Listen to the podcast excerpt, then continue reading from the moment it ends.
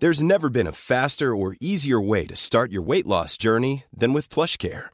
PlushCare accepts most insurance plans and gives you online access to board-certified physicians who can prescribe FDA-approved weight loss medications like Wigovi and Zepbound for those who qualify. Take charge of your health and speak with a board-certified physician about a weight loss plan that's right for you. Get started today at plushcare.com slash weight loss. That's plushcare.com slash weight loss. plushcare.com slash weight loss. Ready to pop the question? The jewelers at BlueNile.com have got sparkle down to a science with beautiful lab-grown diamonds worthy of your most brilliant moments. Their lab-grown diamonds are independently graded and guaranteed identical to natural diamonds, and they're ready to ship to your door. Go to BlueNile.com and use promo code LISTEN to get $50 off your purchase of $500 or more. That's code LISTEN at BlueNile.com for $50 off. BlueNile.com code LISTEN.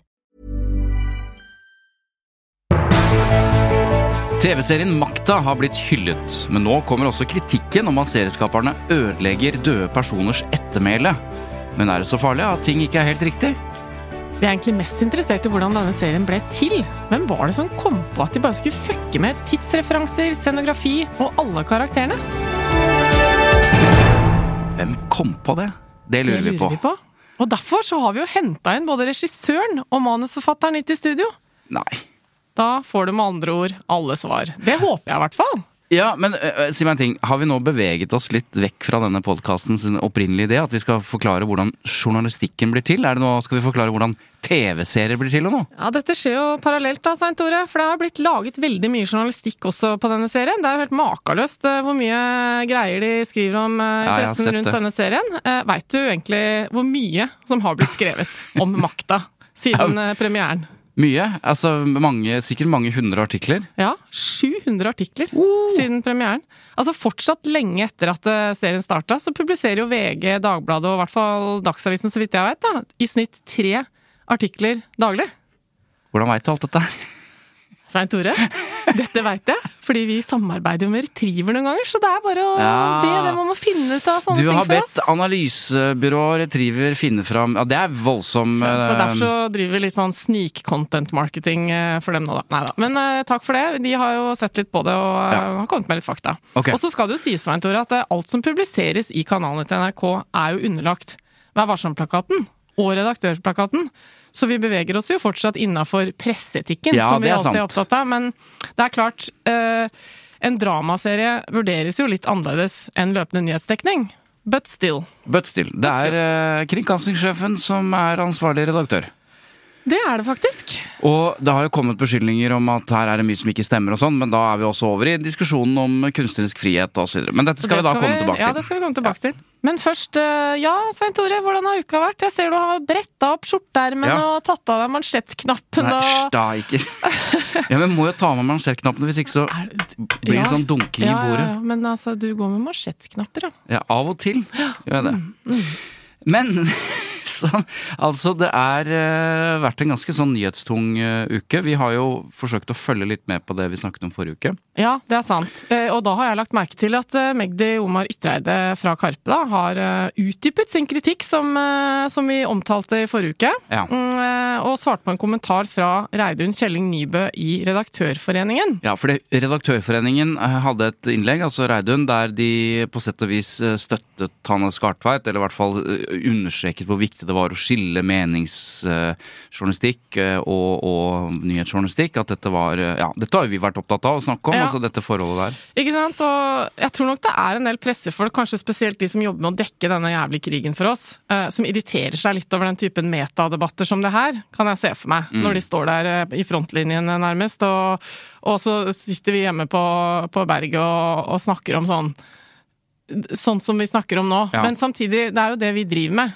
Ja, det er Så- kjempeviktig, og det er prinsipielle diskusjoner, men eh, det var ganske knallhardt uh, For han har jo Utgangspunktskritikken kom jo på sosiale medier, eller på Instagram. Nå har han Ja. skrevet en kronikk i Aftenposten. En ganske Ja, Det har han. Eh, Velskrevet kronikk, er det Det ikke vil jeg si, eh, med tittelen 'Å plukke kirsebær fra oliventrær'. Eh, Det er godt mulig at dette er alle konflikters mor, skriver Magdi. I så fall er min generasjon alle konflikters barn. Mm. Og det vil jeg si absolutt, helt enig. En grundig og velskrevet og veldig rørende kronikk, egentlig. Fordi Fordi Magdi har jo vokst opp med en far som jobba som journalist i eksil. Mm. Han er også så han har jo vært ute en vinternatt før og sett konflikter og manglende ytringsfrihet på nært hold, rett og slett. da. Mm. Han vet hva journalistikk er. Han veit hva han snakker om. Ja. Så han irriterer seg rett og slett over at Redaktørforeningens leder da, skriver at mediene må bli flinkere til å kommunisere hvordan de jobber og hva som er forskjellen mellom løpende journalistikk og meningsbærende journalistikk og sånn. Mm. Men samtidig så skriver hun vel mer eller mindre at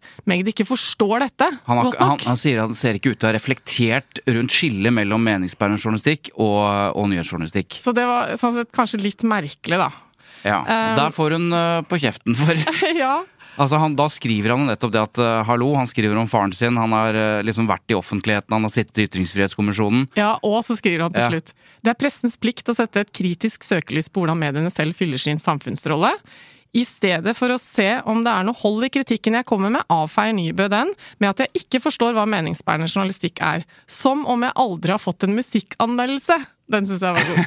Ja. Altså, for det Alle, alle, Radio og alle den- musikere vet at det er subjektivt meningsinnhold. Og kan slå litt hardt Ja. for, for akkurat dem, da. Ja. Du, jeg la merke til det der, og så, postet jo Redaktørforeningens eh, leder da, eh, denne teksten sin på sosiale medier. Eh, og så Mm. Da var det klarte ikke du og dyra å altså, blande. da var det flere som eh, la merke til at det er jo eh, Det er jo Kjetil Rollnes annet skrev at, eh, at problemet her er jo ikke at Magd ikke klarte å skille mellom menings- og nyhetsjournalistikk. Altså, det var jo nettopp kommentarene til Hanne Skartveit han kritiserte.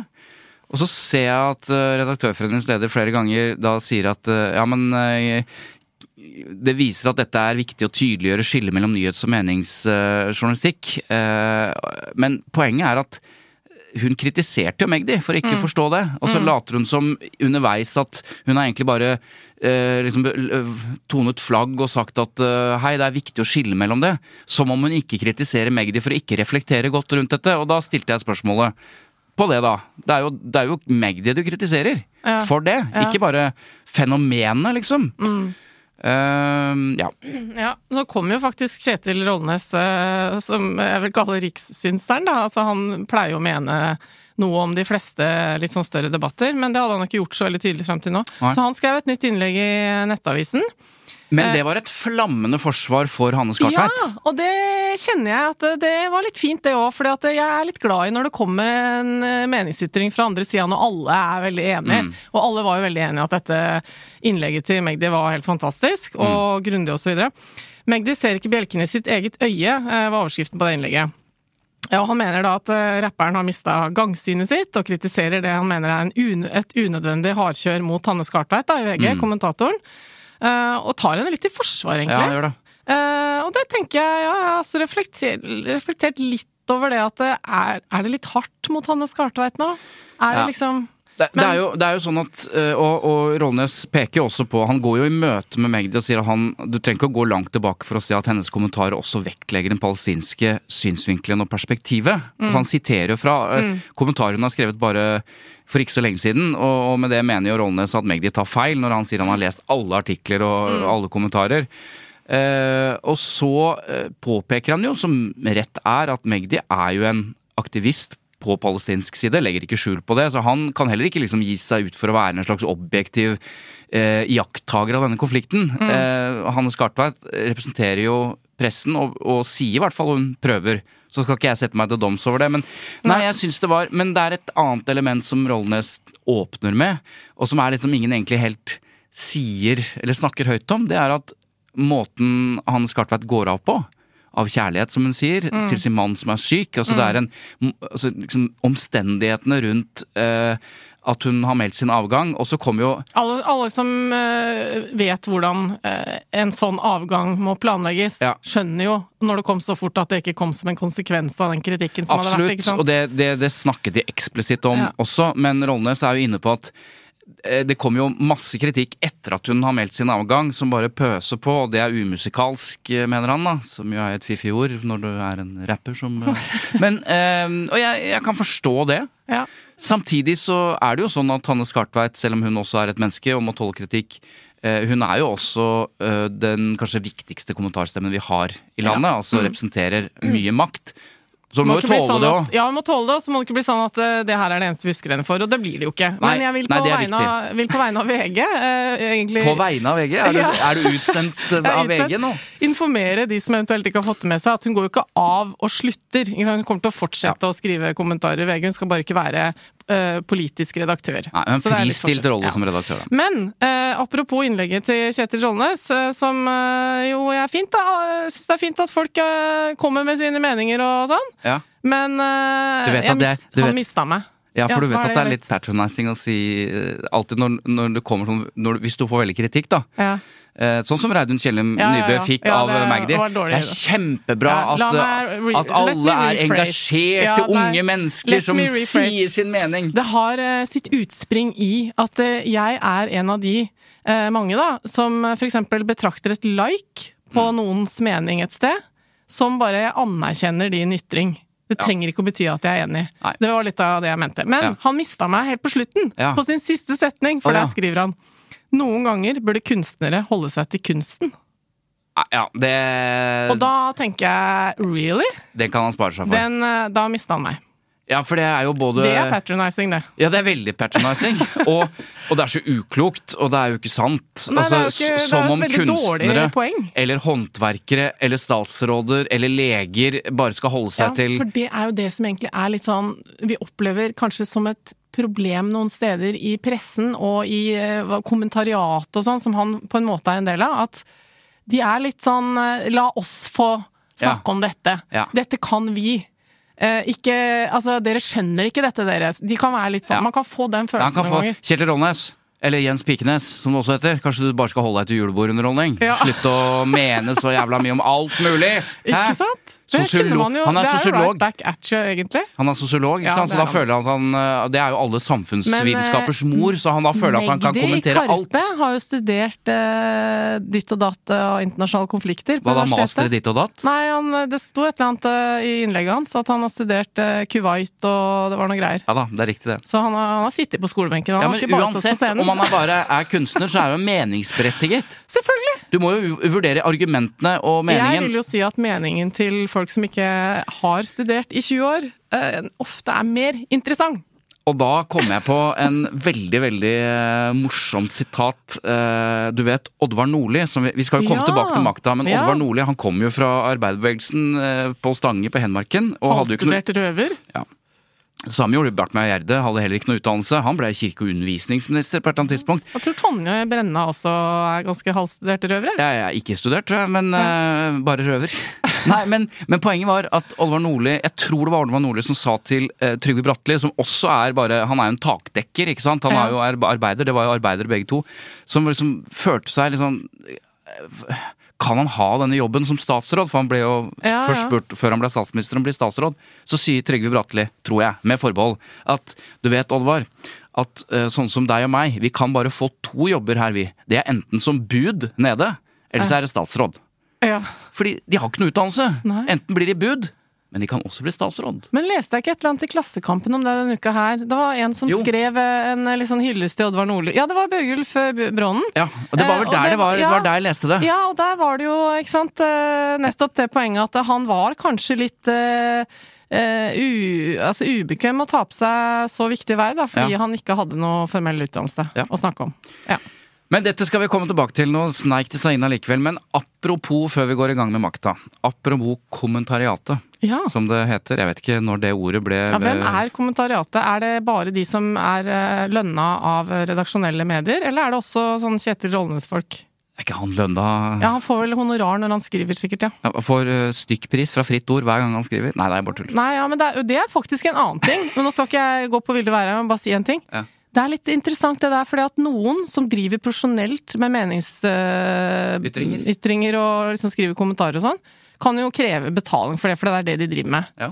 Mens eh, andre må jo gjøre det på egenhånd, på en måte. Ja, det handler handler jo bare om- hvor er forskjell- Nei, hvor er, Hvordan er du, reglene der? er du hyra eller ikke hyra? Altså, Hvis du er hyra for å skrive en spalte i Nettavisen, så må du få betalt Ja, for det. selvfølgelig. hvis du Men, jeg, tror, jeg tror ikke mediet foreslår det før du gjør det. Nei, nei, men hvis hvis For du jeg vet at det, det har vært rullerende spalte med ulike folk, Ja. Hvor noen får betalt, og noen aldri har bedt om det, og dermed ikke får det. Men det kommer an på hvilken jobb du har òg. Er du Ja. stortingsrepresentant eller politiker, så kan du ikke nødvendigvis få betalt for å skrive en fast spalte i Dagens Næringsliv. Men hvis du er hyret av Nettavisen for å gjøre det, eller av Aftenposten Eller hvis du er eh, et eller annet så kan du få det. Ja. Mm. Men ikke hvis du sender inn innlegg. Nei. Kommentariatet, jeg oppfatter det som de som er jobber med å kommentere. Mhm. Så har du et utvidet kommentariat, det er sånn som oss. Ja. Som bare kommenterer.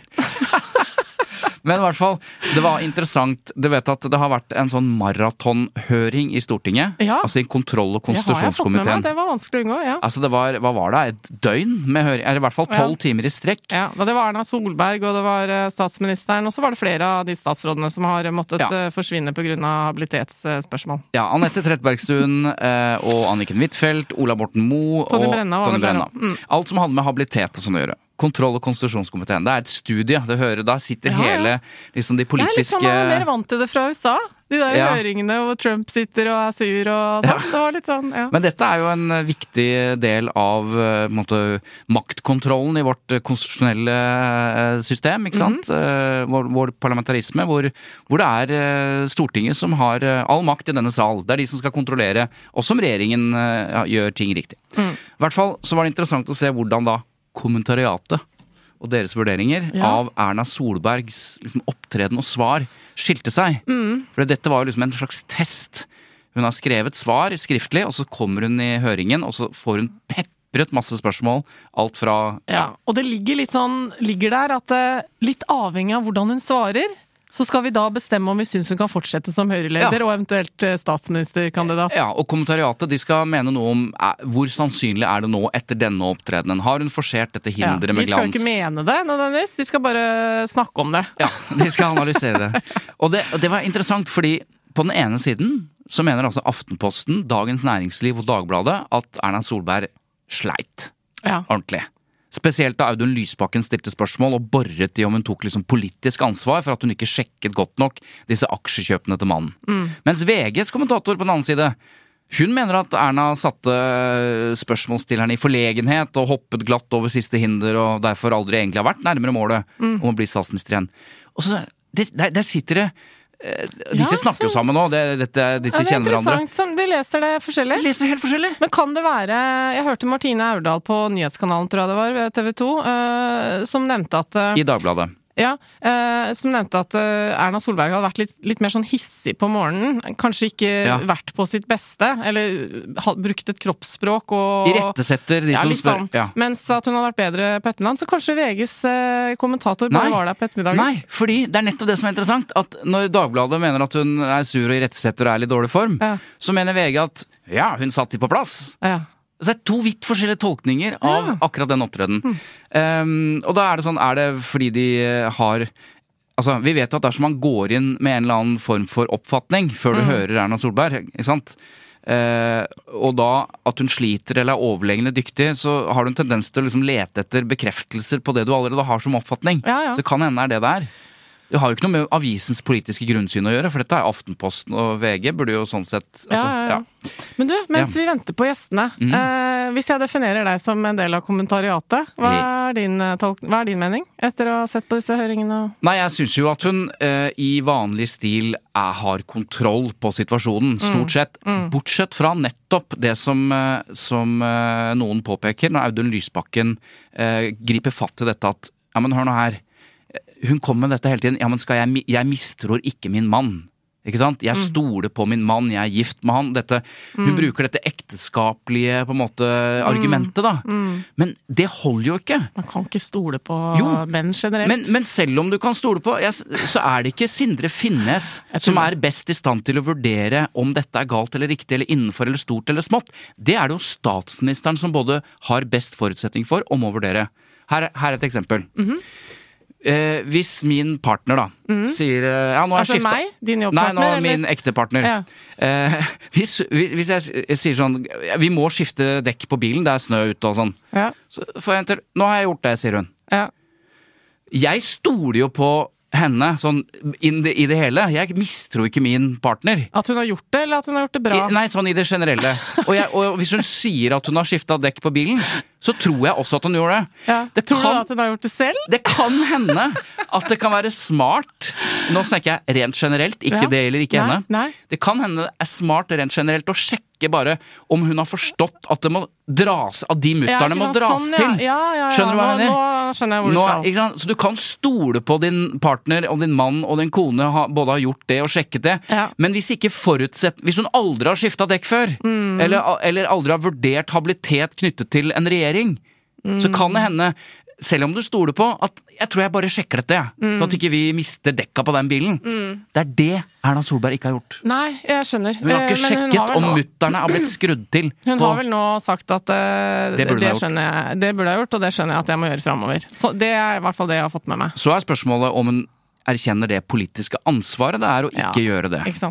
Men du jeg- er sånn at du, du bare venter på at Nei, la det bli ferdig, la Ja. hun bli statsminister igjen. Ja, eller i hvert fall eh, Jeg må innrømme det at eh, nå er jeg lei av det greiene her. Nå er jeg ferdig. Jeg Og det, at jeg tør å si det, fordi jeg vet at det er veldig mange andre som føler det på samme måten. Som eh, skriver det og sier det og Jeg har sagt det før. Vi må ha et Jeg blir veldig fort lei av ting, jeg skjønner du. Ja, men hør nå. Jeg har sagt det før. Vi må ha et Eva Sandum-barometer. Ja. Det betyr at når Eva Sandum er lei en sak, da er det på tide å avslutte den saken. Da er det ikke noe vits i å vente på en ny høring. Eller. Da er den ferdig!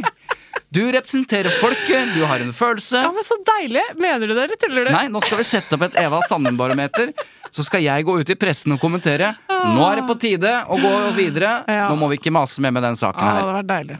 Eller så kan jo jeg bare ikke høre på, når dere andre fortsatt syns det er Det er nok den mest realistiske løsningen på det. Det er at du At jeg bare skrur av. Sett på NRK Jazz og tenner noe stearinlys og tar meg et glass rødvin og gjør noe Ja. annet enn å sitte For jeg er redd for at den saken her kommer til å fortsette, selv om du sier at du er lei nå, altså. Dessverre. Ja. Ok, Men nå er det på tide å få inn noen gjester, syns jeg. det er det. Fordi vi skal jo snakke om makta igjen! det skal vi. Altså, Der skiller vi oss jo ikke ut fra resten av verden, vil jeg si. Nei, Sånn der er vi litt uh, in the middle of the road, Men altså, for en hype det har blitt. Skam for voksne, som vi sa i forrige uke. 700 mediesaker siden premieren. Det er tre saker om dagen om en TV-serie.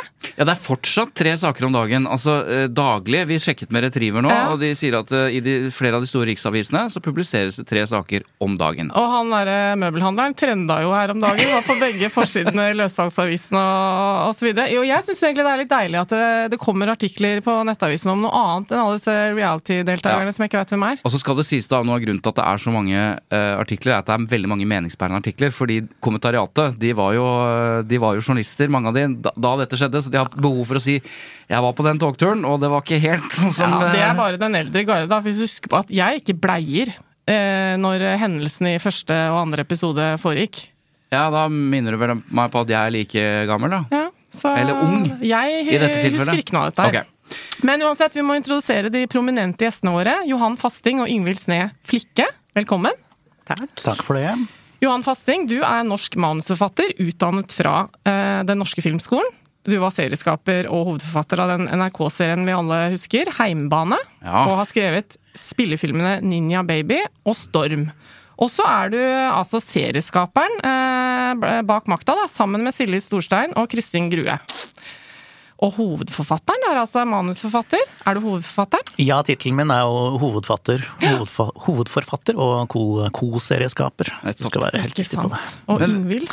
Ja. Jeg må introdusere dem begge ja, før du kjør begynner på. å prate. Nei, nei, det er bare Ingvild eh, Flikke, du er både filmregissør og manusforfatter, hvis jeg har skjønt det riktig? Ja, Mest regissør? film- Ja, det der er flinkest. Ja. oh, ok. Og så har du Skryt om meg eh, det er noen rundt bordet her som er flinkere til å skrive manus enn meg. Jeg skjønner. Ja, men det må være lov å si. Og så har du mellomfag i sosialantropologi. Du ble nominert til Amandaprisen i 2015 for beste manus med din første film, 'Kvinner i for store herreskjorter', sammen med Gunhild Øyehaug. Ja, Som også er forfatter. Ja, og du har jobba mange år i NRK, i mange ulike avdelinger og prosjekter, og har regissert animasjonsfilmer og musikkvideoer. Men så begynner vi å ane et eller annet sånn Worlds Colliding her, fordi du regisserte da seks episoder av nettopp Heimebane, som mm. Fassing her har vært involvert i.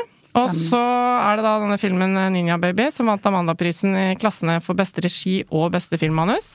Sammen med Fasting igjen. Ja, Du det. Og Inga Sætre. Antyder du nå at de har blitt kjent på et eller annet tidspunkt? Jeg, eh, er det noe sånn dream team-tendenser her, dere to? Er det sånn der?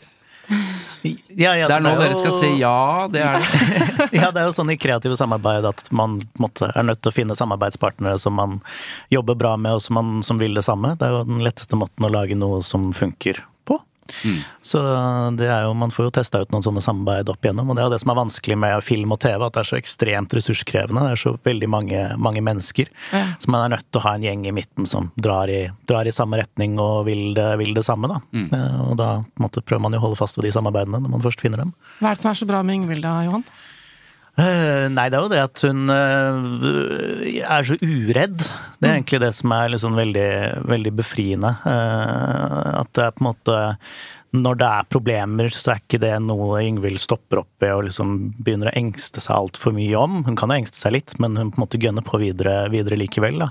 Og det er en sånn unik egenskap som var ganske avgjørende når vi skulle lage et prosjekt som det her. Ja. måtte ha noen som på en måte ikke stopper opp annenhver lørdag og bare begynner å stresse over liksom, hva er det vi holder på med. Det er liksom, Man må ha en energi som er sånn, vet du hva. Vi bare gønner på og skyter det. Det blir fett. Kom igjen. Ja, og liksom deilig. maner til den energien, da. Eh, Og det er jo Ingvild, Ingvild veldig, veldig flink til. Og Ingvild Tusen eh, takk. Ja. Du må si det oftere, men eh, Nei, men all eh, right back at you, hvis du skal si om Johan altså En ting er at skuespilleren har fått veldig mye positiv eh, tilbakemelding, men altså, det, det skrives så mye pent om manuset her. Hva vil du si om, eh, om Johan? Jeg vil si at han er veldig smart. Mm. At han skriver ting som gjør at jeg får lyst til å gå ut og filme det med en gang.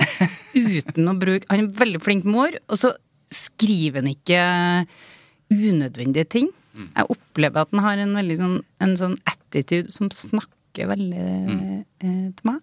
Og, ja, jeg får, får bli veldig sånn Jeg får en sånn kreativ boost av å lese det Johan skriver. Og veldig flink historieforteller. Så hyggelig. Nå var det mye skryt Det var mye bra. Det, vi må komme til makta. Hvordan blir en sånn serie til? Altså, Bare fortell litt eh, om hvordan et sånt arbeid er. Hvor lang tid tar det? Hva begynner det med? Og så videre. Ja, det er jo lett å svare på hvor lang tid det tar, for det tar jo, har tatt fem år. Ja. Som jo er ganske lenge. Litt i meste laget, vil man kanskje påstå. Eh, Så det begynte jo lenge, for lenge siden. Det begynte jo før meg og Ingvild også. Det var noen andre som hadde ideen opprinnelig. Ja, så begynte jo med Silje Storstein og Kristin Grue og produsent Camilla Brusdal, som i sin tid pitchet en serie til NRK eh, om hva hvis vi lager serien eh, om måte, disse hendelsene her, da, og spesielt da Gro sin vei mot, eh, mot makten. Eh, og det var jo noe som NRK følte var en, var en god idé. Eh, og det er jo ganske liksom ja, mange som har tenkt den tanken. Å lage noe på Gro er jo ganske nærliggende for veldig mange som prøver å utvikle prosjekter. Så det var ikke sånn at det var bare de som har som kommet opp med den ideen, da, men de kom til bordet med en ganske sånn ungdommelig energi. Altså Silje og Kristin er jo i likhet med meg født på 80-tallet. Eh, Så man har jo et liksom blikk på disse hendelsene som er litt mer retrospektivt, da. Mm. Og føler at liksom, ok, men her er det noe vi kan fortelle som er relevant for vår generasjon, og kanskje også neste generasjoner, da, som ikke trenger å nødvendigvis være en serie som bare snakker til de som har lyst til å huske akkurat hvordan det var å kjenne seg igjen, på en måte. At man kan snakke til ja, andre generasjoner, da, de som er også og nedover. Og det tror jeg NRK likte ganske godt. Eh, Så derfra ut så på en måte ble etter hvert eh, jeg koblet på, fordi jeg hadde jo laget en TV-serie før eh, med Heimebane, og hadde eh, en erfaring som NRK ønsket seg, da. Og så lagde vi, ble vi et team, jeg og Silje og Kristin, mm. som er da skaperne av dette, dette universet. Og så derfra ut så har det vært en lang, lang prosess, et år med research og masse greier. Så endte vi opp her til slutt, da. Og dere endte opp med det som Er det riktig å kalle det dokudrama? Satire? Er det, altså Hvilken sjanger er dette her? Jeg ville ikke brukt ordet dokudrama. Nei, jeg ser at folk har gjort det. Ja. Satire, Satireordet kan du gjerne, gjerne bruke. Det har vært omdiskutert i prosessen om vi skal bruke satireordet eller ikke, men Ja. jeg mener når serien nå er ferdig, så kan vi jo bruke den ganske Uh, uten å skamme oss. Men hvorfor, er du, det hele tida. hvorfor ikke dokudrama? Hva, hva er det som dere var med en gang der? Hvorfor ikke det? Fordi det har ingenting med Det er jo ikke noe dokumentar over det her. Jeg jobba masse dokumentar, jeg. Mm. Det, jeg forstår ikke sammenligninga, på en måte. Mm. Det her er jo Det er fiksjon. Ja, men det er Basert på, på faktiske Ja, karakterer og faktiske hendelser. Men det betyr Ikke, ikke, ikke bare to-tre karakterer. Nei, alle, alle. alle karakterene er, er faktiske. man-. Ja. Alle hendelsene er faktiske. Ja. Så, Men det har ikke noe med dokumentar å gjøre. Nei, Vi tuller jo med det. nettopp. Men det har noe med virkeligheten å gjøre. Selv om det ikke har med dokumentarsjangeren å gjøre. Ja, det kan du si. Det er, for det hva er det dere skriver der, vi nevnte jo det i starten, altså bak, basert på løgn, sannhet, eller hva kommer først? Hva, på sannhet. Sannhet, løgn løgner og dårlig hukommelse. Og dårlig hukommelse. Ja, og for din, eh, ditt vedkommende og dere tre som er født på 80-tallet, ikke engang hukommelse, for det var rett og slett ikke født da dette skjedde. Nei. eh, Så men, hvilken eh, dårlig hukommelse er det vi snakker om? Nei, vi har jo brukt noen kilder, da. Mm. Og det viser seg jo veldig fort at eh, mange av disse kildene baserer seg på sin egen dårlige hukommelse.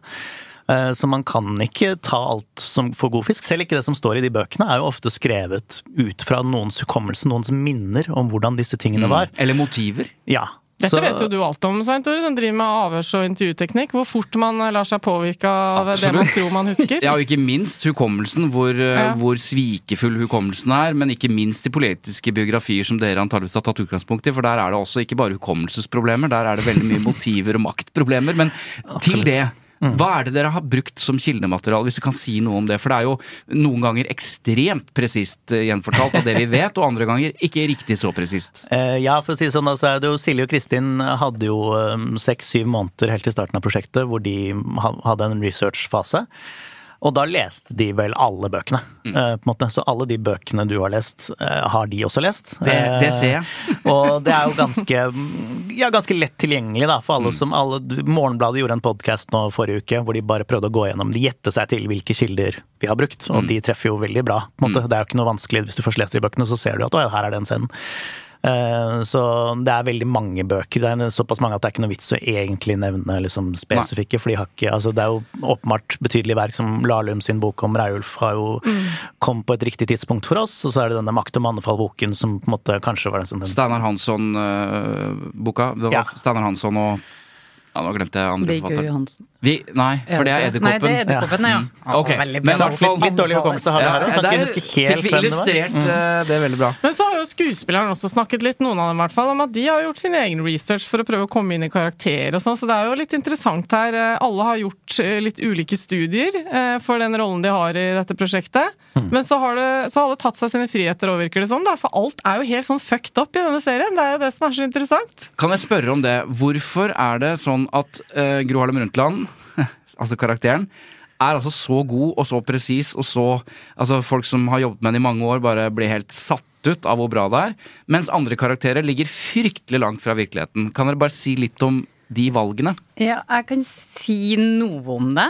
Um, og det er jo, uh, siden jeg er konsepterende, så er det også her som får sånn første reis i bolk med Når jeg oppdaget episode 1, 2, 5 og 6 Mm. Ehm, med skuespillerne. Og det er jo Folk er forskjellige. Jeg kan si det såpass kort. Folk er forskjellige. Og skuespillere er forskjellige. Og vi hadde jo, vi hadde jo et, en intensjon om å, å liksom lage det på en anarkistisk og eh, jeg vil si en overskudd fandenivoldsk og litt sånn prosjekt med overskudd. Hva betyr det? Hva slags føringer fikk skuespillerne da? Eller ikke?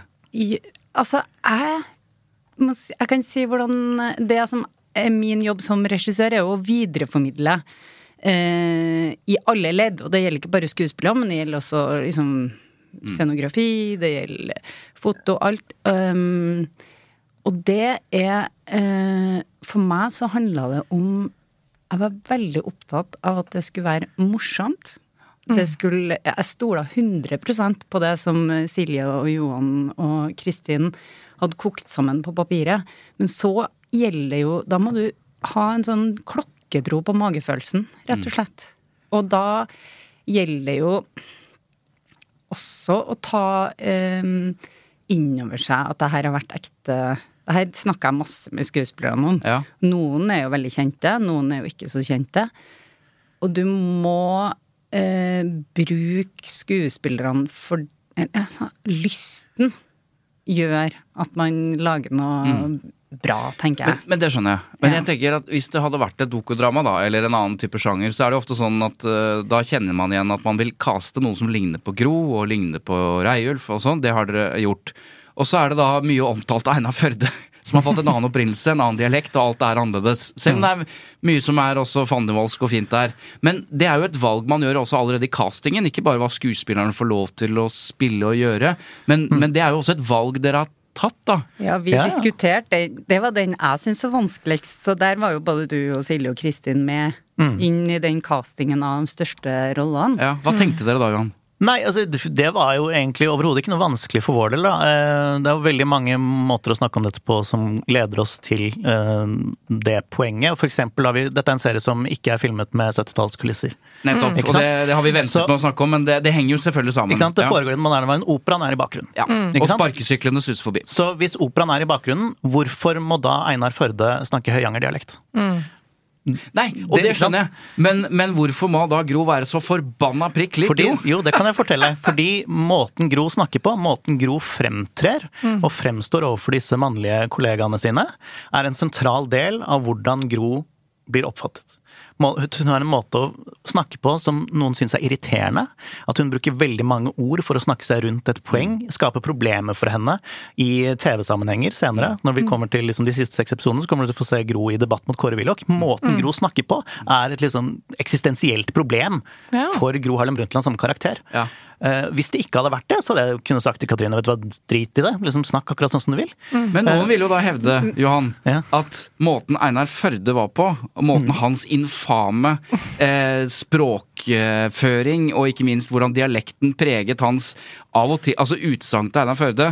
Han jo bla, har jo blant annet sagt at det er bare nynazister og homser som går i bunad. Det ville ikke stått seg så veldig godt i 2023. Nei. Han er jo også en ekstremt spesiell karakter med alt det han målbærer, vil jeg påstå. Absolutt. Men så er det jo spørsmålet den energien som Einar Førde har, da. Han fyren som står på sidelinja og kan komme med en frekk kommentar og slippe unna med det. Ok, det er det du må fange. måte. Det er det viktigste som noen må fange. Og det er ingen i Norge som gjør det bedre enn Nadia Kademi. Det er jeg liksom helt 100% sikker på. Og der kan jo også liksom Yngvild si det, Jeg mener, ok, det er sant at dialekten spiller inn. Så det er jo på en måte etter at vi castet Nader, så er det en del på en måte vitser. For eksempel den der om, eh, om bunad. Og- bunadsvitsen. Bunadsvitsen. Ja. Eh, forsvant ut av manus. Ja. Eh, Ja, for det var i manus. På et tidspunkt. Alle vitsene var i manus på et tidspunkt. Nei, Einar Førde er et oppkomme av vitser, så det er jo Ja. Og så er det Men- Your Darlings og så videre. Så- Men ikke sant, det er jo- også ta inn over seg at vi lever i en tid som er etter metoo. Mm. Jeg har jo jobba under Einar Førde i NRK. Da han var kringkastingssjef? Ja, da var det Derfor så var det jo veldig vanskelig. Men som Johan sier, det handler jo ikke om likhet i utseende eller likhet i stemme på noen som helst måte. For meg. Mm.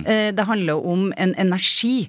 Og Nader har den energien som jeg kan huske eh, Han bringer det inn i rommet, inn i scenen, som jeg kan huske Uh, Einar Fødde gjorde. Og så er det en del ting Einar Fødde sa som ikke kan gjengis Ja. i nå etter metoo. Men, men det er jo, handler jo om veldig mye annet som ikke vi kan ta opp. På en annen makta. side You're preaching to the choir, altså. For jeg sa jo til Eva forrige uke at Nadir altså Det er jo min favorittskuespiller, tror jeg, akkurat nå. eh, Nettopp fordi han får til det som du nå sier. Så jeg er jo basically helt enig. Men så var det vel en eller annen avis som hadde tatt frys på et bilde av eh, Einar Førde mm. og en ung kvinnelig eh, servitør eller noe sånt om bord på toget. Og det er bemerkelsesverdig likt eh, videoen som eh, ble tatt på Bar Vulkan av Trond Giske. Oh, ja. Kan vi nå oh, ja! Du har egentlig svart på spørsmålet, men uh, litt av den type referanser, hva kan du si om f.eks. akkurat den referansen? Eh, nei, jeg trenger jo ikke si så veldig mye om den. Jeg var ikke på opptak eh, den dagen. Jeg har ikke øh, liksom Ikke Hva kan- hørt noe om dette. Nei, men slutt. Du har ikke regi på På episoden, den faktisk. episoden hadde Altså, det er noen som har bestemt seg for ikke å kommentere det. Ja, men nei, men dette har blitt behørig kommentert i media allerede. Det er ikke Ja. noe mer å tilføye Nei. i den sammenheng. Hvis Eh, man- hvis man ser noe i det, så gjør man det. Hvis ikke, ikke så farlig. farlig. Nei, sånn Men- er det. Jeg syns det er morsomt når vi snakker om dette med alle de rare grepene dere har tatt, og spesielt rundt scenografi og sånn, da. Uh, Så vil jeg sitere kollegaen deres, Kristin Gru, som sa et eller annet sted, jeg hørte, jeg tror det var på en podkast hos NRK, karakterene vandrer rundt i konsekvensene av sine egne handlinger. I serien Makten. Ja, det var så godt Og sagt at jeg jeg lurer på om det faktisk er så godt tenkt. For det, det er ikke noe tvil om at det var eh, snedig, men hvor, kan dere si noe om, om, om, om det faktisk Hun er sa sånn det som har en mulig hypotese, hun sa det ikke som eh, fasitsvaret. Nei, nei, men det er jo litt av poenget altså litt av, Det er litt sånn paradoksalt å sitte her og snakke om det. eh, fordi poenget er jo at dere skal liksom prøve å komme opp med noen av disse tankene selv. Ja. Og det var veldig fint, jeg hørte jo podkasten deres forrige, forrige uke hvor dere snakket litt om makta. Og da hadde jo du Eva på en måte et lite innspill på slutten der at du satt og tenkte at ja, men kanskje er det satt i moderne omgivelser fordi det er en kommentar på at disse hendelsene fortsatt er relevante i dag. Ikke sant? Som er jo en helt sånn super Akkurat det har man jo lyst til at folk skal sitte og ha sånne tanker selv. Men det er jo veldig mange andre måter å også fortolke på en måte, dette, dette grepet på. Og vi har jo vært innom alle sammen underveis i produksjonen. Snart fem år. Man rekker å tenke ganske mye på Ja, fem år. Eh, Dette er jo en av de tankene vi har hatt. Det er også noen som jeg så som beskrev det som at dette føles som de er spøkelser som går rundt i den moderne verden. Liksom spøkelser fra en Ja. svunnen tid. Som er bare sånn, en helt nydelig fortolkning. Ja, men Eh, jeg er ser sånn- Eyolf Steen løpe, småløpe, trippe er for seint. Jeg tror det er til den Ny Tid-intervjuet han skal gjøre, i bakfylla. Mm. Gjennom, på en måte, altså i forbindelse med Altså på Youngstorget, med en moderne setting, og han i denne brune 70-tallsdressen. Da er det jo nesten som et sånt spøkelse som svever over bakken der et lite øyeblikk. Ja, og det syns jeg er utrolig vakkert, da, hvis folk kan liksom se på serien og tenke sånne tanker. Det er akkurat egentlig det vi vil. Og det er jo på en måte en sentral scene som er ganske sånn, som ingen liker. Som er den siste scenen i episode én. Jeg vet ikke om jeg kan hende det er noen som liker den, men det er den, den, den scenen jeg har fått mest kommentarer på. sånn, Den trengte du ikke, Johan. Arvid Engen. Arvid Engen som skåler til kamera, og så begynner han å snakke om hvordan denne serien er laget. Ja, Eh, det jeg føyer meg inn i rekken over at Ikke sant? det, det kanskje ble litt mye. Og så stiller han spørsmålet Ja, ok, det, okay, det foregår på 70-tallet med filmer i moderne omgivelser, og så slutter episoden med 'hvorfor det'? Ikke sant? Og det at ingen, ingen liker den scenen, det er jo sånn ok, men kjempebra. Da er det liksom det, det, da må den, da er det liksom jeg, masse jeg kunne gjort om igjen, men det er bare det nei, siste jeg vil endre mener på. ikke som kritikk, er- men jeg har min hypotese om hvorfor man ikke liker det. Mm. Og det er at uh, vi har skjønt det allerede. Ja, det og derfor så trenger vi ikke å bli uh, forklart det. Men og da det- føler vi oss litt sånn men det er, det jo helt riktig, så det er på et segment av publikum som har sittet under løpet av episoden og tenkt kult, Ja. dette er et grep som liker å gi meg masse tanker, som gjør at jeg kan tolke, og så på en måte blir det kommentert på på slutten, og så blir man litt sånn irritert over det. Og så er det et annet segment av publikum som har sittet hele episoden og vært sånn Hva faen? Ja. Hva, hvorfor det? Og de blir også irritert av den scenen. Oh, ja. Ikke sant? Den er også provoserende for dem, fordi ja, men dette her er akkurat det jeg sitter og tenker. Og de liker den jo heller ikke. Eh, Så det er jo ingen som liker den scenen. Men grunnen til at den er der, veldig spesifikt, er jo at den slutter med Men hvorfor det? Ja. Og så stiller man det spørsmålet til publikum, da, for at jeg skal Ja. slippe her og sitte og forklare det. Ja. Så jeg har egentlig ikke lyst til å forklare det så veldig mye. Jeg bare prøve å si bare høyt sånn Dette det må dere tenke dere til Men selv. må Mm. Men jeg kan si én ting som jeg syns er litt viktig å si i den sammenhengen, som er på en måte dette med penger og ressursbruk. Ja. Fordi det det enkle svaret på det er at vi kunne hatt 400 millioner kroner mer i budsjett, Mm. og vi hadde filma det på akkurat samme måten. Ja. ja, men det var fint at du svarte på det, for det- man mistenker jo litt det at det også var litt praktisk. Å slippe å lage 70-tallet i Ja, det er det jo. Det er praktisk, men det er ikke grunnen. Nei, det er ikke en, kult. Vi, vi, vi, vi lager ikke vi, vi, For å si det sånn, vi kjemper for det vi tror Tror blir bra. Så dere Selv om det sparte penger mye. på det uansett, men det var et valg som var selvfølgelig kunstnerisk og ikke budsjettmessig avhengig. Absolutt. Ja, men ikke sant? da får vi helt andre muligheter da, som på Mm. en måte man ikke ville fått ellers. Bare for å av, Noen sånne kontrollspørsmål, Eva, hvis uh, jeg må. Uh, altså, jeg må spørre om dette her. Fordi uh, jeg skjønner jo at dere at serieskaperne og dere og mannsfatterne har lest det som er å lese. Dere, dere kan lese. Men allikevel så lurer jeg på Små detaljer hvor man har veket fra eh, sannheten eh, i helt sånn åpenbare historiske hendelser, som jeg ikke helt forstår, som jeg gjerne har lyst til å spørre om. For eksempel dette vanvittige dramatiske valget hvor man finner noen stemmesedler, SV-stemmesedler oppe i Nordland der. Og så eh, I serien så er det 30, i virkeligheten var det 50. Uh, Why? Det står på slutten av vignetten. Nei! Det er basert Hvorfor? på dårlig hukommelse. Ja, men dette er ikke hukommelse! Det er jo hukommelse. Hvis du spør en eller annen, hvis jeg hadde snakket med Oddvar Nordli og han var 80 år gammel og du, sånn, Hva skjedde den valgnatten egentlig? Hva skjedde? Var det den kom Ok. ut noen stemmer? Greit. Ja, det var vel noe 30 stemmer eller Ja. noe. Men det egentlig enkle svaret på det er i måte, ok, måte at uh, Hvis jeg får tilbakemelding på manus, da. Noen Ja. sier her er det en faktafeil, Ja. som det jo er der. Ja. Det var 50, det var ikke 30. Ja. Så må jeg ta en vurdering på ok, hvis jeg endrer den replikken nå, fra 30 til 50, blir scenen bedre? Ok, Svaret på det er nei. Scenen blir ikke bedre. enig. Jeg ville også lagt til at eh, hvis du endrer på den, så er det lettere å komme med en ny faktafeil som man forventer at du skal endre på. Så jeg har tolket det litt dit hen at eh, hvis dere liksom fucker litt med alle typer fakta, Ja, men så kommer man unna med alle rare ting. Det er her anarkismen eh, på en måte begynner å få fotfeste. Men Mm. spørsmål nummer to. Og, og dette er ikke en liksom sånn brysom faktafeil. Eh, dette er noe også biografen til Steen, altså Hans Olav Lavlum, som er en karakter i seg selv, som burde vært i serien, mener jeg. men det er noe annet. Han, eh, han stusser jo over hvorfor, hvorfor Steen er det vel som snakker om eh, sant, dette abort, eh, kampen for selvbestemt abort, eh, så snakker han om noen borgerlige stemmer som aldri fantes. Borgerlige, de borgerlige stemte ikke for dette, så da får man ikke bare en faktafeil. Jeg skjønner 30-50 stemmer spiller ingen trille, men å skape et inntrykk av at de borgerlige partiene faktisk stemte for selvbestemt abort på det tidspunktet hvor de ikke gjorde det, det er jo en feil som på en måte har noen andre dimensjoner, da. Så hvorfor gjør du det? Dere?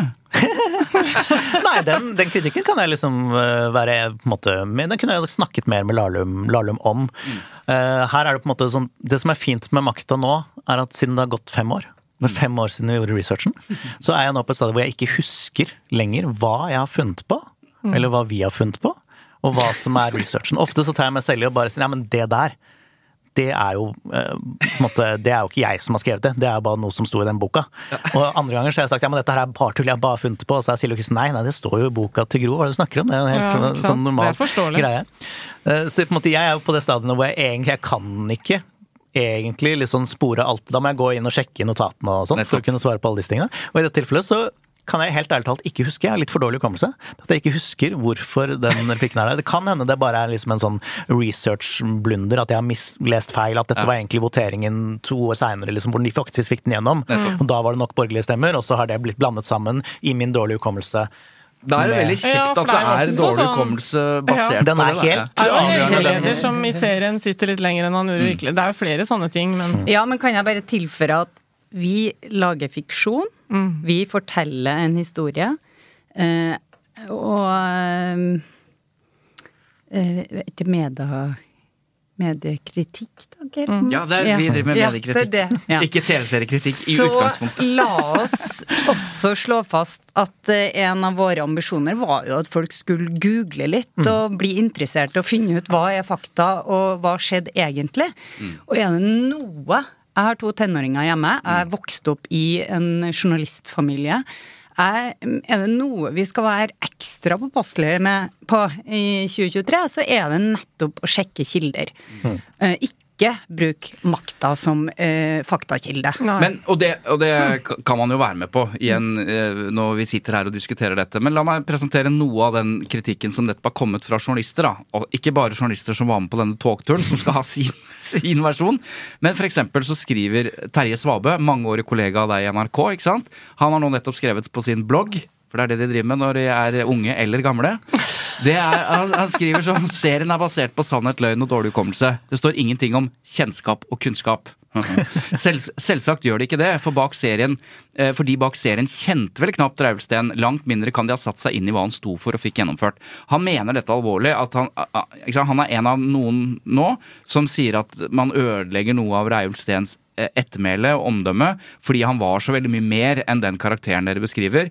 Ikke minst var han eh, han, sant, han får jo nesten ansvaret for at han har holdt Arbeiderpartiet sammen etter EU, eh, eller EF-avstemningen, og det er, han var utrolig Ja, dere vet alt han var. Veldig mye positivt. Eh, og så sier han her ikke sant, at, at uh, vi visste selvfølgelig at han hadde problemer med alkoholen, men vi visste så mye mer om han, rett og slett hvilken ressurs han var, ikke bare for Arbeiderpartiet, men hele det politiske ordskiftet. Blæ, blæ. Jeg sier blæ, blæ, for det er veldig mye mer, ikke det at jeg diskrediterer Terje. Hva tenker dere om det, disse diskusjonene rundt ettermælet til spesielt mennene i denne serien? Eh, Jeg er veldig glad for at eh, det blir tatt opp. Det er jo også litt av poenget med serien, egentlig. Eh, og det er jo selvfølgelig, vi er jo klar over det. Altså, jeg måtte ha utrolig respekt for veldig mye av det Reilf Steen har, har gjort. Eh, og er veldig glad for at måte, de som kjente han og har lyst til å forsvare han, nå får liksom en medieplattform til å gjøre det. da. Det samme gjelder også Trygve, Trygve Bratteli. Jeg er samtidig veldig glad for at eh, barna til både Reiulf og Trygve Bratteli har på en måte i, liksom ikke vært supernegative. supernegative. De har, har ikke gått helt i lås, de. Nei. Nei. Så det er veldig mye man kan snakke om i den. eh, Noe av det er også dramaturgisk pga. tidsperspektivet vi har valgt, mm. og fortellingen som er valgt. Så går vi inn eh, på kan komme veldig fort til det som sannsynligvis er den vanskeligste og verste perioden i Raul sitt liv. Mm. Så det blir en, måte å gå Allerede i episode to så er vi i en liksom sekvens hvor på en måte Lahlum antyder at han forsøkte å drikke seg i hjel. Mm. Du går rett inn i den mørkeste, vondeste brønnen i Reiulf sitt liv i episode to. Som en mannsfatter Hvis jeg lagde Heimebane, så hadde jeg sagt kan, kan ikke gjøre det i episode to. Er du gæren? Du må jo vente til liksom nest siste episode. Da kan du gå dit, og så må du få han opp av brønnen igjen etterpå. Men her forholder vi oss til virkeligheten, og så på en måte blir hendelsene da Ok, da følger vi de overskriftene som den virkelige kronologien har, har gitt oss, da. Og da vil jeg jo minne folk på at det er ikke ferdig. Eh, At det kommer Det er tolv episoder. Tolv episoder, faktisk. Eh, og forhåpentligvis, da, ved veis ende, eh, så har vi et mer nyansert bilde av Reiulf enn hva som kommer frem nå. For nå har vi jo nettopp vært gjennom det på en måte verste kapitlet i hans liv. Ja. Eh, og det, det blir, er jo flere, ting, flere kritikkverdige ting ved Reiulf som dukker opp nå i de neste to, tre, fire episodene. bare bare. Eh, Ja. Men vi har også, håper jeg da, ved veis ende, et mer nyansert syn på han, da. Ja. Og det var vanskelig både på opptak også ja. å håndtere. Ja, hva, hva mener du med? Hva, hva legger du i det? Altså, hvordan vanskelig da? den telefonsamtalen med sønnen og Ja, sånn for også. eksempel. Mm. Det var ikke så Altså, det var mange runder for Jan Gunnar Røise, som spiller Reulf. Mm.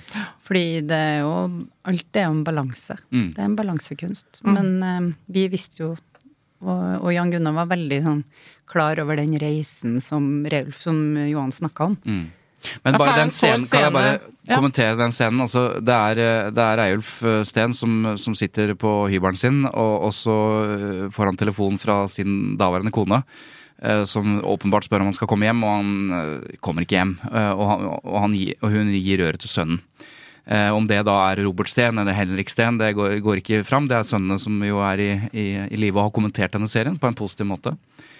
Men den sårheten som den scenen eh, måte viser, eh, som jo sikkert mange i samme situasjon kan kjenne seg igjen i, den er jo på sett og vis Ja, også er universell. samlivsbrudd. Det er et samlivsbrudd, og, han- og han snakker med sønnen sin som vil at han skal komme hjem, og han kommer jo åpenbart ikke hjem. Og så er jo skriver på landsmøtetale. Ja, og sannheten er jo som beskrevet i, i Lahlums biografi. Han flytta jo fra Mm. eh, kona si og sønnene sine, og han gjorde det til og med uten å si fra. Han reiste fra sønnene sine uten å si fra. Så det er, det er jo dette som har blitt beskrevet som en sånn sårhet i den uh, hele karakteren. Da. Men jeg har lyst til å si, Svein Tore, Ja. at eh, dersom vi tar utgangspunkt i at de folka som sitter her nå, er geniale, det kan vi jo gjøre, så kan det hende at Nå rister de på hodet av kledelig beskjedenhet, men ja, kom igjen. og så har vi sett hvor mye debatt denne serien har skapt. Ja. Uh, NRK har vært flinke, alle involverte i serien har vært flinke osv. Så, så kan man også si at eh, de har fått til nettopp det de kanskje ønsket i NRK. Nemlig at eh, nå sitter vi og diskuterer at ja, men Reiulf Steen var ikke sånn, Gro var ikke sånn, uh, Oddvar Nordli var ikke sånn. Så nå har jo alle disse folka som aldri hadde hørt om uh, dem, Mm. lært masse om dem. Fordi metadebatten har tatt seg av dette, dette Absolutt. vakuumet. Eh, Absolutt. Så det har jo blitt eh, en eh, undervisningskampanje i 70-tallspolitikk allikevel. Ja, jeg er helt enig i det. Uh, og jeg er jo ikke blant de mest kritiske. Jeg bare fremfører kritikken på vegne av uh, vanvittig mange som er opptatt av gamle folk som Er opptatt av det. Hylles, da. Og du må huske på at jeg og Johan har ikke tenkt, når vi eh, satte oss ned og, og tenkte ut hvem er målgruppa her, Mm. så er det dessverre ikke dere. Det er ikke Nei, vi! nei, for det er egentlig Du noe vi sa har det lurt litt lavt, på. men du mente det. Men jeg er veldig glad at dere liker det. For, for det det, det spørsmålet, ja, for, for Ja. det spørsmålet hadde jeg Eva sa det i forrige episode, at hun hadde hørt et eller annet sted at det var faktisk en yngre målgruppe der. Hva, hvem er det som er målgruppa her? Ja, altså For å snakke om det, altså, det at vi sier at vi snakker til en yngre målgruppe, betyr jo ikke at det er flest av dem som kommer til å se på serien. Altså, Det- vi, vi så på Skam òg, for å si det sånn. Ja, Det er på en måte en måte å tenke på i hvordan vi forvalter materialet, hva vi prioriterer og ikke prioriterer. Mm. For eksempel, hvis du Jeg har hele tiden sagt at vi prøver å Den, den målgruppe, den personen jeg har høyest prioritet på når jeg skriver manus, er en politisk nysgjerrig 25-åring. Hvis jeg kan få en politisk nysgjerrig 25-åring til å se på denne serien her, da, det er det jeg har mest lyst til å få til. Vi har lyst til å få til veldig mange andre ting. Og man regner jo også med at flere enn den personen kommer til å se på det. Men hvis jeg tar valg, så er det ok, den politiske nysgjerrige 25-åringen. Hva tenker han eller hun om dette? En politisk nysgjerrig 25-åring eh, vet ingenting om Einar Førde. Aner ikke hvordan han så ut, eller hvilken dialekt han hadde. Det er ikke relevant for henne overhodet. Det har ingen betydning. Nå sa du henne, så du har egentlig en 25 år gammel politisk nysgjerrig kvinne. Ja, ofte. Eh, Eller Men- hen. Ja. Eh, så, ikke sant? så tar man sånne valg deretter. Ok, Hvis det er de vi snakker til, betyr jo fortsatt at det er flere av på en måte, det eldre kommentariatet som kommer til å se på dette her, men på en måte, valg, de kreative valgene prioriteres i den retningen. Eksempel, vi skal introdusere Einar Gerhardsen. Ikke sant? Så må man jo Og jeg er nødt til å introdusere Einar Gerhardsen på en måte som gjør at folk som ikke aner hvem han var, veldig kjapt skjønner hva som er greia. Derav konfettien. Ja. Ja. og liksom tekstplakater og liksom bare sånn her, bare sånn kjapp, vær så snill, så kjapt som mulig. Hvis jeg hadde snakket til dere eldre, eller de enda eldre, så hadde jeg jo ikke trengt å bruke sånne grep overhodet. Ikke sant? Så man prøver jo å gjøre de grepene på en måte som er gøy for alle. På en måte. Men det er liksom derfor man, det er det man bruker Skjønner. som en sånn pekepinn for å Og det er jo utvilsomt eh, et formspråk som også man kan tenke appellerer til, eh, til andre enn 65-åringer. Eh, Er det ikke det? Jeg tenkte Jeg er jo, jeg er jo født i 74, så jeg er jo en gammel dame. Men, Hallo! Jeg er også født i 74, så ja, nå tar vi det litt Jeg er litt yngre, da. målgruppa. Jeg er ikke gammel dame. Nei, men Men. Ja. men når jeg var på opptak, så tenkte jeg For jeg har også jobba i U, Mm. ungdomsredaksjonen i TV. Det her var som å jobbe i U for meg. Til dere som er helt- under 30, det er altså den hippeste og kuleste eh, ungdomsorganisasjonen som noen gang har eksistert på norsk fjernsyn. Ja, det var i hvert fall eh, Vi var i hvert fall oppfordra til å bryte regler. Mm. Og det, hvis det var, ikke var gjort før, da skulle vi i hvert fall gjøre det. Ja. Og sånn var det litt med den serien her òg. Det var jo litt sånn Nei, det går ikke an. Jo, da skal vi gjøre det. Mm. Eh, og, men da vet du at du har det researchen som Silje, Kristin og Johan hadde gjort. Du vet du har manus som du stoler på. Mm. Sånn at du kan uh, gå veldig etter Ler jeg noe av det her, eller gjør jeg ikke? Når du er på opptak. Og alt er jo skutt på film, så vi hadde jo ikke uendelig med mengder med Ja, dere har skutt eh, på film, ja. Det driver man med sånt det? fortsatt. Det er jo, det du se, du som har skutt reklamefilm. Det er jo, det er jo film.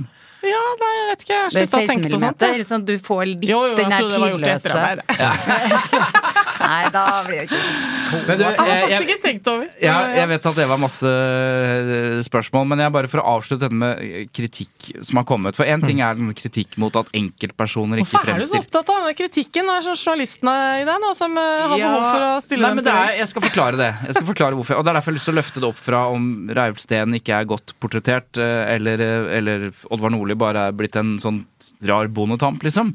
Men eh, hvis man skal prøve å eh, lese kritikerne og noen av de mest, mer skal vi si, reflekterte, avanserte kritikerne, så handler det også om at man ser nå, eller er vitne til, mener flere, en slags heltedyrkelse av Gro. Du nevnte at veldig mange har ønsket å lage noe om Gro.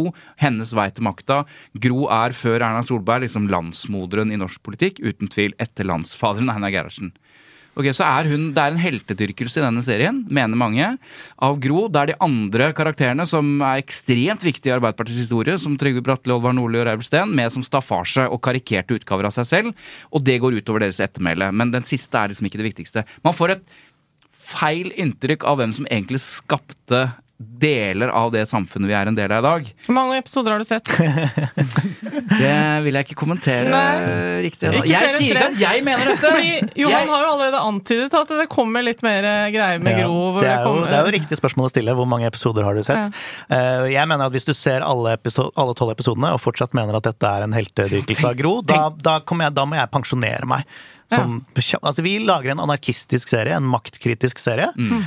Eh, og hvis vår største fan er Gro Harlem Brundtland, ved veis ende, da Nettopp. har vi jo feila. Da er vi jo vi bare talerør for Det er dette jeg ville vite, fordi han sier ved veis ende. Fordi hittil så har jeg kunnet lese av de som har uttalt seg, så er Gro veldig happy så langt. Ja, og Ja. de skulle jeg jo gjerne De skulle jeg jo gjerne ha snakket med, fordi det, da blir mitt spørsmål hvilke hendelser fra denne tidsperioden er det som ikke er med, som stiller Gro i et dårlig lys? Hva er det vi har utelatt? Ja. Ja, det, er eksempel, det er for eksempel det at når Gro var med på denne famøse togturen, så satt ikke hun og drakk solo og så på alle de dumme mennene. Hun satt tvert imot på fanget til Olva Nordli og drakk brennevin og hadde det jævlig gøy. Men det er ingen som husker. Nei, det, jo da, det er noen som Erling Rimehaug i Vårt Land husker det der. Ja. Men det, er jo, det var jo en stor diskusjon, for jeg kjente jo ikke Gro fra 70-tallet. Eh, Jeg kjenner Gro fra 80-90-tallet. Hun betyr utrolig mye for min generasjon kvinner. Jeg tror også Silje og Kristin var veldig sånn Gro, Gro, Gro. Og vi diskuterte masse. Og når Katrine kom inn og eh, jobba med eh, research eh, til rollen, så er det jo sånn Å, vi må fortelle, vi må fortelle. Og da husker jeg Og da må vi. Sant? Ja, da må vi da er, det, da er det en hovedfatter som har en tanke i det lange løp over tolv episoder. Så jeg, har, jeg er litt overraska over den kritikken, som du kaller det. Jeg, jeg syns jo ikke det er noe helt epos de første episodene heller, jeg. Nei. Men uh, fordi Jeg om hun ikke hvert sitter på fanget til Nordli og drikker sprit. Ja, altså, for akkurat den scenen var jo i manus på et tidspunkt. Ja. uh, Og jeg vil jo påstå at hun kom jo ikke spesielt dårlig ut av det. Uh, Av at hun liksom, i tillegg til å være veldig flink og ryddig, også klarte å ta seg en fest og være kul. Nei, det er måte. faktisk det, helt sant. det, var ikke en, det var en scene, Vi har hatt den scenen inne i manus, men den, den ville ikke gjort noe på helhetsinntrykket i denne Eva, hvis jeg får lov. Nå skal jeg ikke viderebringe kritikk fra andre. Nå skal jeg eh, stille et spørsmål basert Ja. på skryt fra meg selv. Du har begynt å si, spørre meg om lov, ja? Ja, for du ser så strengt på meg innimellom eh, Men ok. Nei, for greiene er at det jeg også har registrert ved eh, liksom, hvordan denne serien har blitt oppfattet, altså positivt, det er jo at veldig ofte når det kommer norske serier, så har man en tendens til, enten fordi man, at det er en vane, eller ikke sant ja, Det er noe med dialogen, og det er noe oppstykket, og det er noe stivt, og det er ikke helt naturlig, og det er ikke godt nok manus Det er masse sånn, og norske skuespillere, og det er en arv fra 70-tallet som på en måte henger igjen, da, skal kritisere norsk. Fortsatt merker jeg det. Her null. Altså null av den du vet, tradisjonelle kritikken at det er et annet som ikke stemmer. Vi diskuterer om, om ekte personer blir portrettert riktig, men det er en utrolig fascinasjon og en, en hyllest til måten dere har skapt eh, både scener på, dialoger, eh, framdrift, alt det som man er opptatt av å få til i en TV-serie, oppfatter jeg. At det er en sånn entydig liksom Og da er spørsmålet mitt hvis det, Sett at det er riktig, da, at dere har lykkes med det som vanligvis er kjempekrevende. Hvordan har dere klart det? Vi har leika oss. ja. Jo, men altså, jeg mener det helt seriøst. Hvordan har dere fått dette til? Og jeg vil også spørre da, hvilken rolle har NRK hatt i det? Fordi vi snakker jo om medier, og dette har gått på NRK. Så NRK er jo da tydeligvis også en eh, tøff bestiller da, av drama, eller? Er det riktig? Men nå gjør du den tradisjonelle feilen, Eva. Nå stilte jeg et ledende spørsmål? Nei, ja, det var, Jeg stilte et spørsmål som jeg oppriktig lurte på, og så sier jeg jeg har et spørsmål til. Hvilket spørsmål tror du de svarer først på da? Klipp ut det! Så hold dere til første spørsmålet. Hvordan har dere klart å få til det som nesten ingen har klart å få til før? Ja, hvis jeg først skal svare på det Eva spurte om, da, Nei. så kan jeg si at At det er jo en, en fordel at vi har fått eh, veldig, mye, veldig mye tillit eh, av eh, NRK. Ja. Og det må vi jo gi dem honnør for. Vi har fått mye motstand nå, det er masse diskusjoner fram og tilbake, men eh, ja, NRK har gitt oss enormt mye tillit. Da. Jeg vil jo påstå at denne serien her aldri ville eksistert i den formen den fins i nå, på en mer kommersiell uh, Og kort fordi kanal. Nei, bare fordi den tar så mye risiko, da. Det er enormt mye risiko i veldig mange av de valgene som er tatt, hele veien gjennom. Eh, og man er nødt til å ha noen som kan ta den risikoen, og som er villig til å ta den. NRK Som ikke taper fortsatt, penger på det Ja, nødvendigvis. NRK, NRK er fortsatt litt engstelig for risiko. på en måte. De har jo litt sånn høye skuldre innimellom og sånn, da, men der har de i større grad muligheten til å bare ok, men det er greit, vi kan ta den risken. Eh, okay. Da syns jeg det passer. Mm. har Nei, nå er det ikke noe annet som passer. på- Kan svare på det første spørsmålet. Ja, enn å svare på det første spørsmålet. Dere har leika dere, sa du. Kan du utdype det? Når jeg spurte hvordan ja. dere har fått det til. Men- Ja, nei, det, det, det De har stolt på at eh, vi, eh, vi Håndverket, både på manussida og regisida og skuespillerne og alt, det er der. Og så har vi fått lov til å liksom å leke oss oppå det som, som jo er yrket vårt. Og det kan vi jo takke NRK for at de har latt oss få lov, og også produsentene i Novemberfilm og Motlys, ikke minst. Og Johan, hva er din forklaring på hvordan dere har lykkes, at dere har lykkes med dette? Uh, nei, det er jo bare Det er så mange involverte, da. Uh, men det, kanskje noe av det vi har fokusert Det det jeg fokuserer mest på, da, som hovedfatter, og som også har et sånt litt sånn utvidet daglig lederansvar for det, for det kreative, er å prøve å sørge for at alle har eierskap. Til, til serien. Eh, igjen så er det litt den der anarkistiske fremgangsmåten. Da, at man må Alle skal, alle skal med! for å bruke et veldig anarkistisk, en anarkistisk frase. Eller et Eh, Arbeiderparti-slagord? som ja, det også det er jo ja. heller det. Men Ja. eh, det går jo litt det samme. Anarkismen og arbeiderbevegelsen har jo samme røtter. eh, som jo også er et sentralt poeng som man kunne snakket om. Men eh, ja, så det er jo det tror jeg mest, eller det jeg bruker mest fokus på underveis. er Bare ok, kan vi få alle til å ha eierskap til alt de gjør? Alle skuespillerne skuespillerne, alle regissørene, alle klipperne. på en måte La dem uttrykke seg da, og ha det gøy, ikke minst. Det er jo kanskje det vi har fokusert mest på. sånn, ok, hvordan... Det kjenner vi igjen, Svein Tore. Ja, kan, Hvis folk har det gøy på jobb, så syns det på skjermen, og så smitter det over på publikum. Uh, og i en del av de spørsmålene dere har om sånn skuespiller, hvorfor gjør du det som skuespiller, hvorfor gjør denne skuespilleren ikke det?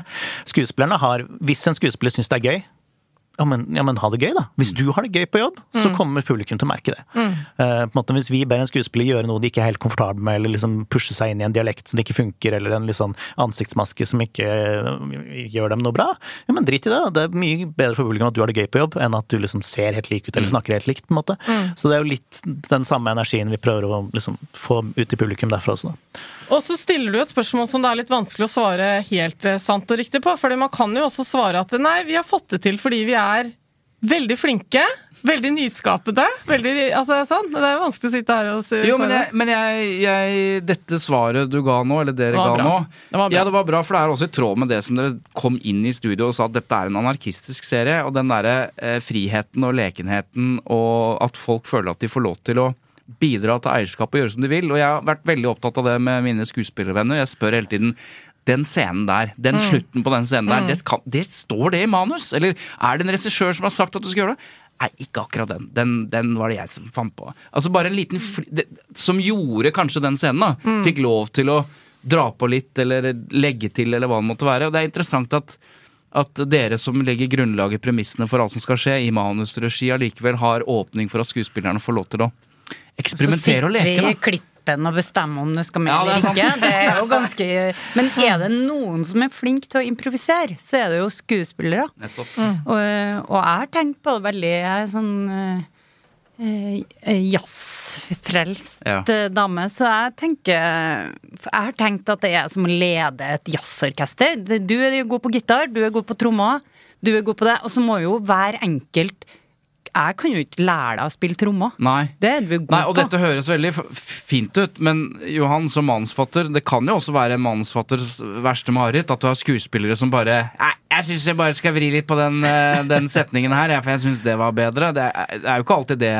Nei, det er så bra manus. Det er ingen som gjør det, jeg, jeg ble litt overrasket over at eh, når dere snakket nå, så fikk jeg inntrykk av at veldig mye av de grepene som vi diskuterer, står i manus. For det er litt vanskelig å vite. Ikke sant? Det kan, man kan jo også se for seg at det er et manus der, og så når du skulle begynne med opptak, så bestemte dere at uh, Nei, operaen noe er der. står i og- manus, noe gjør ikke, men Ja. mesteparten har jo vi snakka om på forhånd. Mm. Vi har jo snakka om ting, men historien og dialogen og alt sånt, det, det er jo så bra. Det begynner man jo ikke å tulle med. Men, men det å, få ting få en person som står på papiret til å bli liv, er jo en skuespiller sin Ja. Det er jo gaven en skuespiller har.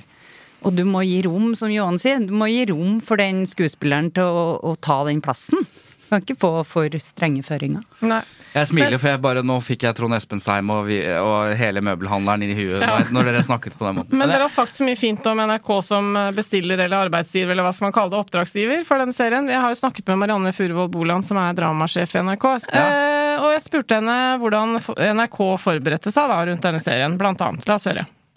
Altså For NRK så har det vært viktig fra dag én å være helt tydelig med publikum på at Makta er en dramaserie. Det her er fiksjon, det er ikke en dokumentar eller et dokudrama.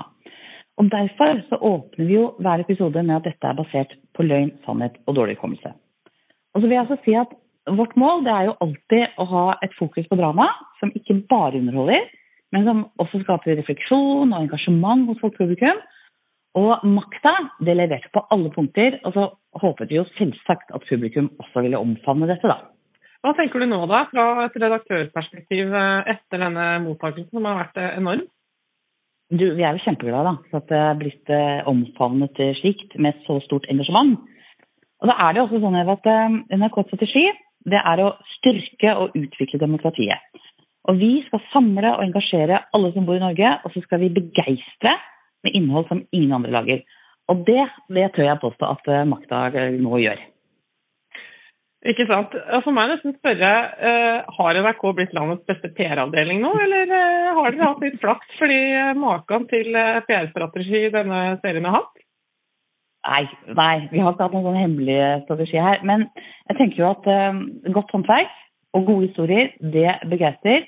Og serieskaperne, og ikke minst alle de flinke folka bak, de har gjort en imponerende jobb med å skape en, en dramaserie som er skikkelig bra. Og så eh, må jeg jo si at vi eh, er jo også opptatt av mediemangfold. Og det er jo en glede da, at NRKs dramaserie kan bidra til eh, så mye godt redaksjonelt innhold, også da utenfor NRK. NRK jobber selvsagt med segmenter og målgrupper og, og, og ulike produksjoner som skal nå frem til ulike alder osv. Så, videre. så hvem var det dere egentlig tenkte i arbeidet med denne serien at, eh, at den var for? Um, vi i NRK vi har jo som mål å skape svære fellesopplevelser. Og um, et ungt publikum det er selvsagt en del av det. Og så er det jo sånn at Selskaperne de er jo selv født på slutten av 80-tallet. De er unge. Og så ønsket de å fortelle en historie fra et Norge som de ikke kjente så godt til, som de var nysgjerrige på, på sine egne unge premisser, og da også selvsagt til et yngre publikum. Men makta er på alle. Altså, eh, Trygve Bratteli, han var jo litt treg. Men så forbanna treg eh, som han av og til kan virke i den serien, var han ikke. Men det skal riktignok sies at eh, biografen til Ralf Steen bekrefta at um, på midten av 70-tallet så begynte han å bli ordentlig treg. Men det er en scene med, med Trygve Bratteli og Gro Harlem Brundtland. Jeg må spørre om det. Der spør hun hvor lang tid hun får på å bestemme seg for å bli miljøvernminister. Uh, og sannheten er hun fikk veldig kort tid, men han, dere mener, og Trygve Bratteli i rollen sier et par måneder. Hvorfor Er det bare for å karikere han til at han er så fryktelig langsom? Det det, jeg tenkte det var en gøyal vits. Det er morsomt! Det er bare, ja, bare derfor det er der. Men det er jo en vits som spiller på at ok, her kommer det en kvinne som liker at ting er på stell og får litt fortgang i sakene inn i et system som er veldig tungrodd. Ja. Så bruker vi dessverre da Trygve Bratteli som et, et symbol da, på den prosessen i Arbeiderpartiet som på den tiden var litt treigere enn hva Gro skulle ønske. Og så er det en vits som spiller, spiller på det. Ja, det var litt god vits, egentlig. Ja, men tenk på det som en sånn karikaturtegning i en avis. Ja. Det, den, det, jeg vokste opp med det på vegg, veggene rundt omkring hjemme. Jeg syns det, jeg synes bra, det. Veldig De sier mer enn én ting. Ja. De, de har liksom flere lag, de Tror jeg, tegningene. ja, det er jo mange som leser bøker og sånn, liker å gå inn i bøkene og finne ut av liksom, ja, hva er det de har brukt som inspirasjon og kilder her. Den beste boka du kan lese for å forstå makta, er en bok som heter Alt fra gateavisa 1974 til 1982. Ja. Eh, Det er en anarkistisk eh, gateavis som ble gitt ut på, i denne perioden, som har et eh, anarkistisk satirisk blikk på alt, alt som foregår Oi. i det norske offentligheten. Hvor får vi tak i den? Eh, Den får på Deichman og liksom? kan kjøpe den på ark, til og. Kan til og med lese den på Nasjonalbibliotekets uh, åpne sider. Ja, ja, men det sier, det sier du så fint og flott, men dit går jo ikke folk. Nei, men du trenger ikke å gå dit, da! Folk Du kan jo bør- på Nettsiden, ja! Nettopp. Ja. Ok, eh, men før vi må runder helt, da, Ja. så har jeg lyst til å si en ting. Og Ja. det er jo at eh, selv vi, vi er jo nesten jevngamle, da, Ingvild og Svein Tore. Uh, selv om jeg er litt yngre enn dere. Uh, Et halvt år. så har jo vi i vår generasjon også lært ganske mye. Altså, jeg vokste jo opp med tok liksom, kvinnefrigjøringen litt for gitt, på en måte, som Ja. du nevnte i stad. Sånn, du husker Gro, men ikke så godt, osv. Så, videre. så vi, har jo lært ganske mye ved om hva som skulle til, føler jeg. Og så er det noe med at denne Uh, dette greiene som har vært i det siste med tillit og politikere og sånn, vi går rundt med en følelse, tror jeg, alle nå, at uh, hva fader er det som skjer med politikken? Det er jo helt fucka! Og så har jeg liksom skjønt litt gjennom denne serien at det var litt fucka før òg. Ja, og det litt, og det er litt gøy når, Historien gjentar seg. når Ja. seriens Historien Nei da, seg. men det er, jo ikke, det er jo ikke det. Men det er jo noe med å Jeg har to tenåringsdøtre. Ja. Og de har vært liksom ganske langt frem i min pannebrasken. For de tror ikke jeg egentlig helt var klar over hvem Gro var. Nei. Nei. Og hvordan det var. De skjønner jo ikke hvordan det var å leve før metoo kom. Nei. For deres verden er helt annerledes. Ja, den er det. Og, det, og, det, og den seriens aktualitet ble jo bevist til sitt fulle når Anniken Huitfeldt sitter i høring i kontroll- og konstitusjonskomiteen her i går eller foregårs og refererer til makta som om Altså, det var ikke noe særlig eller Jeg husker ikke kommentaren, men det var ikke noe bedre før, eller et eller annet sånt, men det er klar referanse til det. Og da da er vel ringen sluttet, antageligvis, da, når vi sitter i kontroll- og konstitusjonskomiteen diskuterer habilitet og politiske krumspring, og så er det deres TV-serie det refererer til? Ja, man er jo glad for det. det er, vi har jo et ønske om å ja, at serien, det ser ut sånn, Jeg har tenkt på serien, så er på en måte 50% av serien er det som skjer på skjermen. Og de resterende 50% er det som skjer i offentligheten når alle, alle ser på den og diskuterer den. Jeg sa til en eh, kompis i går at jeg skulle møte Johan Fasting, manus, den store manusforfatteren, eh, i studio. Og da sa han kan du spørre han om en ting? Og da skal jeg gjøre det. Eh, når begynner du å skrive på Arbeiderpartiets siste ti år, som jo er enda mer spektakulære enn 70-tallets tiår? Vær så god. Ja, nei, det kan jeg jo egentlig kanskje ikke svare på. Det er også en sånn, jeg må bare henvise til, Dere må bare se alle tolv episodene, og så kommer det spørsmålet til å kanskje føles litt, litt annerledes. Tusen takk for at dere kom. Altså Johan Fasting, som er mannsfatter, hovedmannsfatter på Makta. Og Yngvild Sve Flikke, som er da regissøren. Mm. Nydelig. Takk til Eva Sandum, som jo er født i 1974.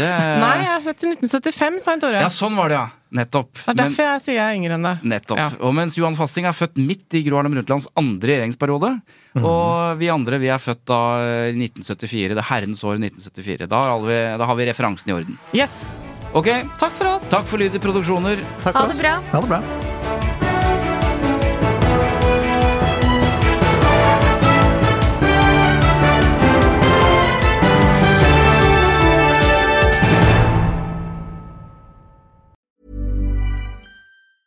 Hey, it's Danny Pellegrino from Everything Iconic.